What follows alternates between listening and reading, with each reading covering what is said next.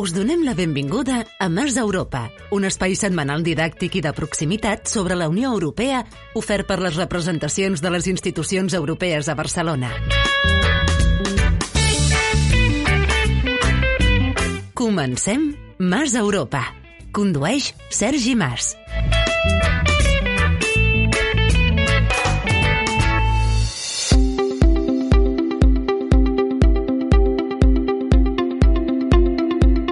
La Carta Europea de Drets Humans centra l'article número 3 en la importància de la igualtat entre els seus ciutadans. Aquest és, sens dubte, un dels valors fonamentals de la Unió Europea i les seves institucions han treballat i posat en marxa un gran nombre d'iniciatives per fer-ho possible. Eh, ara bé, quant de camí ens falta per recórrer? Només dues dades. Sabies que, de mitjana, les dones europees cobren un 14% menys que els homes?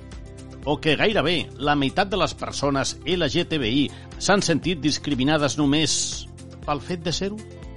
Avui parlarem de la igualtat i de les estratègies per reduir les discriminacions. Som-hi, doncs, que comencem el Mas Europa. Mas Europa, amb Sergi Mas. Malgrat que en els darrers anys la tendència ha canviat, encara no és habitual que els alts càrrecs públics i privats estiguin ocupats per dones. La igualtat entre homes i dones és un valor fonamental de la Unió Europea, però, malgrat tot, les dades són clares. Mireu, només un 6,3% dels directius de les principals empreses que cotitzen a borsa són dones, només un 6,3.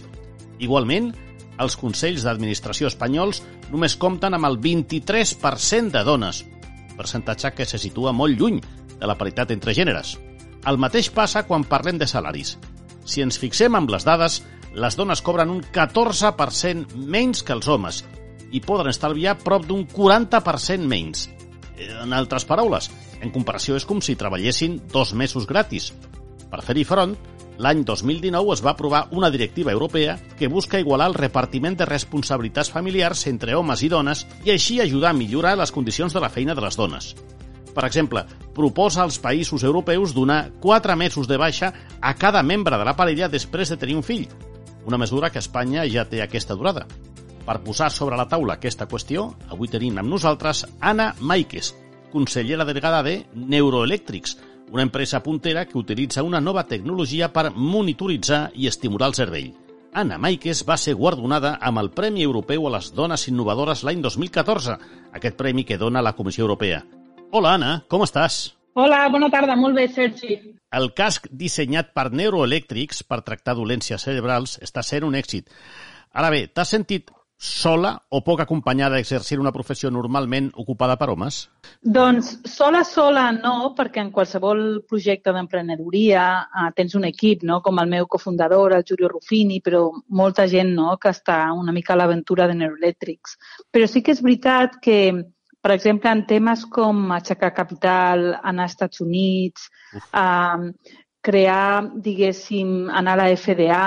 O sigui, hi ha situacions on sí que sents que, que bueno, ser una dona és més difícil mm. i sí que et sents amb aquesta responsabilitat de que ho has de fer, no? Perquè si no, no, no trencaràs aquest gel, no? De que no ho ha fet ningú. Sí. Eh, I sí que et sents sola en aquest sentit, de dir, ostres, no, no tinc, no? He de trencar el gel i, mm. i ho he de fer sola, no? Però, però bueno, jo crec que és la responsabilitat de les dones d'anar avançant no? i d'anar trencant esquemes i fent coses que no s'havien fet abans. Has hagut de fer molts sacrificis per arribar on ets, sabent que tens quatre fills? Bueno, jo crec que cada, cada vegada estem millor i jo no diria sacrificis. De fet, quan jo, quan jo parlo amb, amb gent jove, no? amb dones que comencen les seves carreres científiques o d'emprenedores, sí. jo els dic que aquesta moguda que ens han venut de que s'escollir entre la vida professional i la personal, jo no la compro. És a dir, jo tinc quatre fills, eh, crec que sóc una bona mare mm. i crec que es pot tenir una gran família i, i tenir un, un, una gran feina, una carrera professional, no? Mm. Llavors jo crec que, que és una mica organitzar-se i crec que té molt a veure també amb quina és la teva parella. Això és una responsabilitat compartida, no? Mm -hmm. I jo crec que els homes també s'han hagut de posar les piles i no és una responsabilitat de les dones, no? Nosaltres, el meu marit i jo, quan un viatja, l'altre no viatja, no? I sempre hi ha un dels dos a casa quan eren petits, sempre hi havia un dels dos a casa, no? I jo mm -hmm. crec que aquesta és la conciliació que, que no, no passa res si està només el pare o només la, ma la mare. Els fills no han ni de notar, no? Sí, sí, eh, dono fe, dono fe. Com es pot conciliar i assumir les cures i la feina no remunerada dins la casa sovint que s'associen a la dona, clar. Ja, però bueno, és que jo crec que aquesta és l'errada, no? És a claro. dir, que és que no s'han de relacionar la dona. És a dir, tu has de tenir una parella, no? Has de fer un projecte de família i has de compartir no? que cadascú tingui unes tasques i unes coses. I, escolta, si l'home treballa més hores de la dona, uh -huh. pues vale, la dona pues, recolzarà més la casa, però és que pot ser al revés, no? O pot ser 50-50. Sí. És a dir, que jo crec que és aquest compromís no, de projecte de família que crec que té que veure més amb la dinàmica de cada casa, no? Mm. Eh, i amb qui, amb qui escolleixes fer un projecte de parella, no? Si la teva parella no, no respecta que tu vulguis tenir una carrera professional, jo crec que això és un problema. Home, ho és. I tant que ho és, i tant que ho és. Quines diferències creus que hi ha a Catalunya, a Espanya, en comparació amb la resta de països europeus a l'hora de conciliar? Hmm. Bueno, jo crec que aquí tenim una mentalitat encara bastant masclista. És a dir, a mi em va impressionar molt quan vaig fer un curs d'aquests de, de negocis, no? Mm. I, I vaig conèixer unes dones d'Islàndia, no? Em mm. van semblar mentalment tan avançades, saps? és a dir, que, per exemple, eh, o sigui, hi havia tonteries que es deien a les classes que eren supermasclistes i a mi m'havien passat desapercebudes. I elles s'aixecaven i deien això no es pot tolerar, ni que es digui. Llavors me'n vaig adonar que jo crec que nosaltres com a societat estem menys avançats que en països més socialdemòcrates o del nord d'Europa, no? Mm. Llavors, jo, jo crec que sí que a Espanya tenim estigmes i tenim coses més arcaiques que hem de començar a anar canviant, no? Mm. Uh, la meva experiència vivint a Amèrica és que tampoc ho vaig veure tan avançat com els països del nord, eh? Però és veritat que potser veig més dones en situació de poder, eh, està més normalitzada, però també és veritat que en, els mons, en el món dels diners, per exemple, en el món del poder, sí. encara a Amèrica eh, el poder està en mans dels homes, com, com, com passa aquí, no? Clar. I jo crec que aquesta l'obsessió meva, no? quan parlo de la dona emprenedora, etc. jo crec que les dones sí. han d'aconseguir fer-se amb el poder i amb la caixa dels diners. Sí, bueno, a Neuroelectrics, quin percentatge de dones teniu a l'empresa? Nosaltres en total, mira, avui ho he comptat perquè m'ho he preguntat, tenim un 41% de dones. Oh!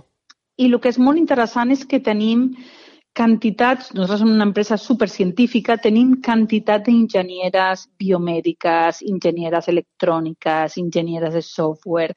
Tenim una gent molt, molt preparada i aquí he de dir que mm, hi ha moltes dones que han entrat, per exemple, en carreres com la biomedicina, no? perquè jo crec que les dones, com tenim aquesta sensibilitat, sí que ens sí. agrada al final eh, entrar. Llavors jo crec que és una gran oportunitat de, de tenir dones en el camp científic, sobretot en temes com salut. I jo estic molt contenta de les dones eh, que tenim a l'empresa, que a més són grans, grans eh, tècniques i científiques. Home, un 41-59 està força bé. Està molt bé, sí. I en posicions de management jo crec que tenim més d'un 10%, però clar, les posicions més altes, jo sóc la CEO, directora general, sí. la directora de, de tot el que és operacions i els càrrecs més importants estan en mans de les dones. Mm, consideres que en els últims anys eh, hi està havent un canvi de tendència mica en mica, que jo, jo crec que sí, no a tots els països, i les dones mica en mica van ocupant més espais de direcció? Jo crec que sí. Jo crec que sí, i no és una feina només de dones. Eh? Jo dic que aquí a la nostra empresa no tindríem tantes dones al poder si el Giulio Ruffini, no? Mm -hmm. que és el meu cofundador, no pensés que les dones fan molt bé la seva feina, també. M'entens? És a dir, que això és, una, és un tema d'homes i dones, no? Però sí que és veritat és que jo crec que tot el moviment MeToo, no?, que va haver-hi als Estats Units, sí o sigui, hi ha, hi ha hagut un canvi important no? de, de la percepció de les dones, però hi ha sectors com el financer i els dels diners on encara veig que estan molt lluny. Per acabar, fa uns anys vas guanyar el Premi Europeu a les dones innovadores. Com valores aquesta iniciativa de la Comissió Europea? Pues mira, estic supercontenta perquè per acabar amb, un, amb una nota optimista, gràcies sí. a aquest premi, ara sí. formo part d'un consell assessor del European Innovation Council. I el European Innovation Council ha detectat realment que Hi ha, per exemple, moltes companyies liderades per dones, moltes empreses europees que no escalen i es fan grans, com els Googles americans o mm. les grans empreses asiàtiques. Mm. Llavors, per primera vegada a la història, Brussel·les i la Comissió Europea invertirà directament en empreses que potser el mercat financer no les està tractant bé. Entre elles, empreses liderades per dones. Llavors, jo crec que en el punt que deies, fins i tot les autoritats com europees s'han adonat de que han de recolzar no? a, a la diversitat, no només a les dones, no? la gent de color, la gent que és gay and lesbian, la gent que mm. ve d'un país, um, de tots aquests països de l'Europa de l'Est, no? que, que vulguis o no també estan discriminats. És a dir, jo crec que les dones és una part, però la diversitat en general mm. um, es penalitza molt en el, en el món de la inversió. I jo crec que bueno, una nota optimista és que aquest European Innovation Council posarà eh, 10 bilions eh, d'euros en els propers 10 anys sí. per realment dinamitzar i posar injeccions de capital en totes aquestes companyies, entre elles liderades per dones. Així m'agrada que acabin les entrevistes i les pel·lícules, que acabin bé. Encara, encara que el món s'acabi, el món s'acaba, però bé, bé, bé. Eh, gràcies, Anna Maiques, consellera delegada de Neuroelectrics. Bon dia. Bon dia, gràcies. Mas Europa amb Sergi Mas.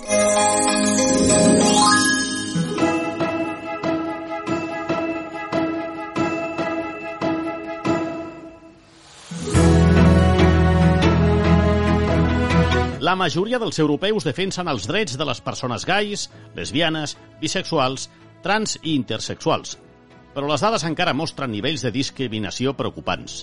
Segons un estudi de l'Agència Europea de Drets Fonamentals, un 43% de les persones LGTBI van admetre haver-se sentit discriminades l'any 2019.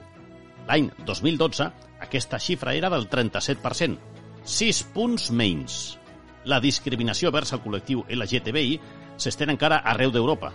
Per moltes persones, mostrar afecte en públic, manifestar la seva orientació sexual o expressió de gènere continua suposant un risc, especialment en països com Polònia, on desenes de pobles i ciutats han declarat zones lliures de LGTBI, situació condemnada per institucions europees i que la presidenta de la Comissió Europea, von der Leyen, va dir que no tenia cabuda dins la Unió Europea. Només faltaria.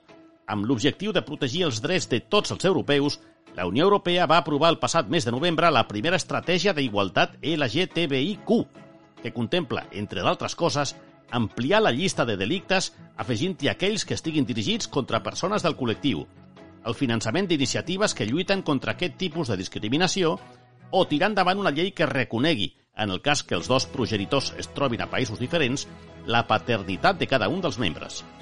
Per parlar de la discriminació cap a les persones LGTBI, Parlem amb Nagore García, responsable de l'entitat SURT, que lidera el projecte europeu Look White, que busca abordar les violències del col·lectiu LGTBI a través d'una perspectiva feminista. Hola, Nagore. Hola, bona tarda. Com va sorgir la idea de participar en aquest projecte, per començar?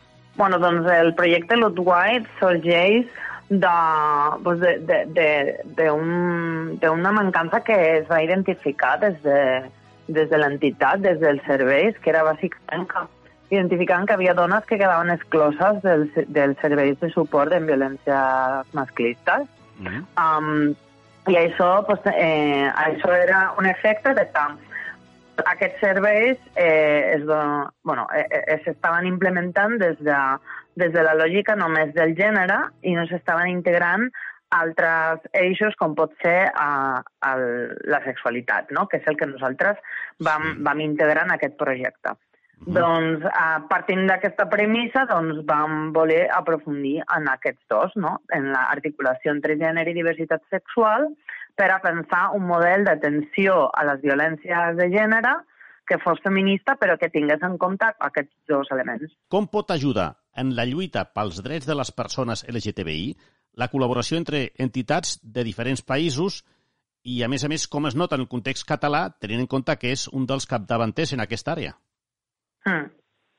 Doncs en molts sentits, no? Perquè al final, um, quan estàs en un, en un projecte europeu amb organitzacions de diferent tipus i de diferents països, sempre hi ha un punt o una dimensió de, d'intercanvi d'experiències i de bones pràctiques que està molt present, no? I Um, I això és clau, no?, de, per poder també com, compartir, veure um, bueno, què s'està fent, no només a nivell de política pública, que pot ser, um, que en aquest cas sí que Catalunya té doncs, doncs, un avantatge respecte a altres països, però uh -huh. pot ser que en altres països que um, pot haver-hi organitzacions o altres tipus d'iniciatives que també pot ser molt potents i transformadores i de les quals també ens podem enriquir mútuament, no? I això doncs, li dona també un valor afegit. Un dels objectius d'aquest projecte, el projecte europeu Look White, sí. era i és la elaboració d'una guia que servís de marc per, per tal sí. d'abordar aquestes situacions.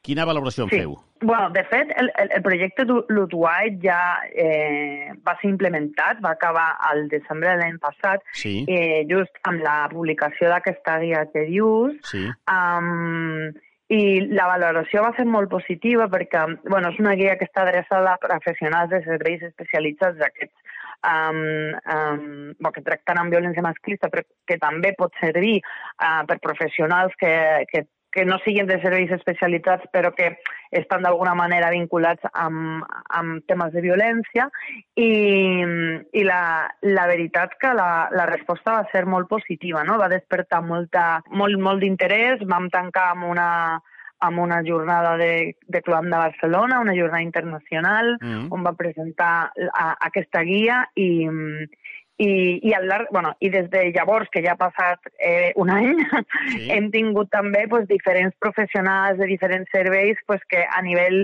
formal i més informal ens han anat també explicant pues, la seva experiència de com han anat també pues, compartint uh, dins dels equips aquest, aquest material, no? i que sí que s'estan donant com altres tipus també de connexions a partir de, de, de la publicació d'aquesta guia sí. que ens indiquen o que no, que, que, són, bueno, que ens indiquen que, que és un material que, que, que està sent útil no? I, que, sí. i que les mateixes professionals ho estan valorant. No? Ah, el, el món avança, la societat avança i hi ha vegades que no ho sembla, perquè podem parlar, jo diria, d'una LGT-fòbia creixent en els últims anys.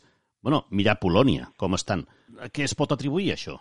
Bueno, això, um, i sobretot en el cas del feminisme, eh, també moltes, uh, moltes feministes que han destacat com en el moment que, que, que una societat avança cap a l'alliberament, és, és, com, és com si fos com un, com un, un joc de, de, de poders, no? Doncs sí.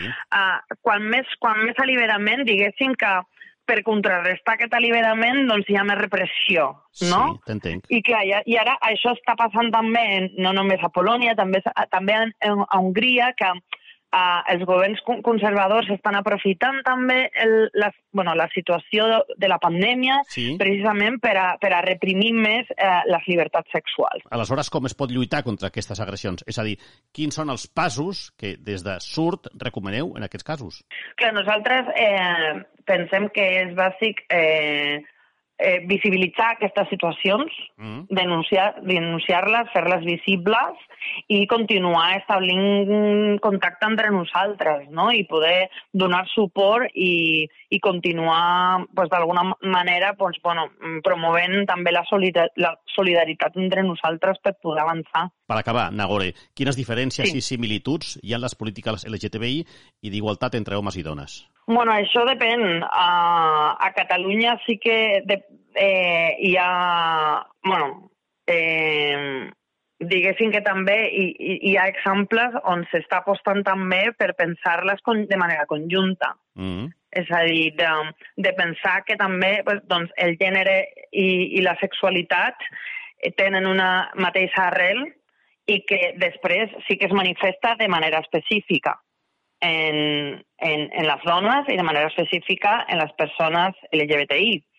Però um, sí que és cert que històricament doncs, sí que s'han anat desenvolupat de, de diferent manera i amb diferents paradigmes, i això ho vam també aprofundir molt al, al llarg del projecte L'Uruguai, no? i veiem com també doncs, en el cas del, de, de les polítiques de gènere sí que, que es basaven més en una visió de la violència més estructural i això havia, diguéssim, havia, um, havia servit per ubicar també el, el, el problema de la violència cap a les dones com un problema eh, social. Sí. Eh, en el cas LGBTI estava més present, diguéssim, com el paradigma de la, de la discriminació, que podia tenir una tendència més individualitzadora, Mm. i, per tant, treure la part, la dimensió més política, més social i centrar tot més d'alguna manera en una qüestió més d'una lògica eh, més punitivista, individualitzada mm -hmm. i que ahir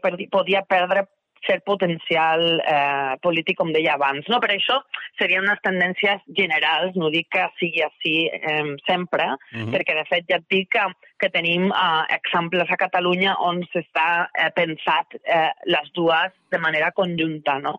Jo sempre penso que quan, quan, més es, sí, quan més es parli, quan més es parli, jo penso que és positiu. Perquè si no, si no es parla, no es comunica, i si no es comunica, no existeix.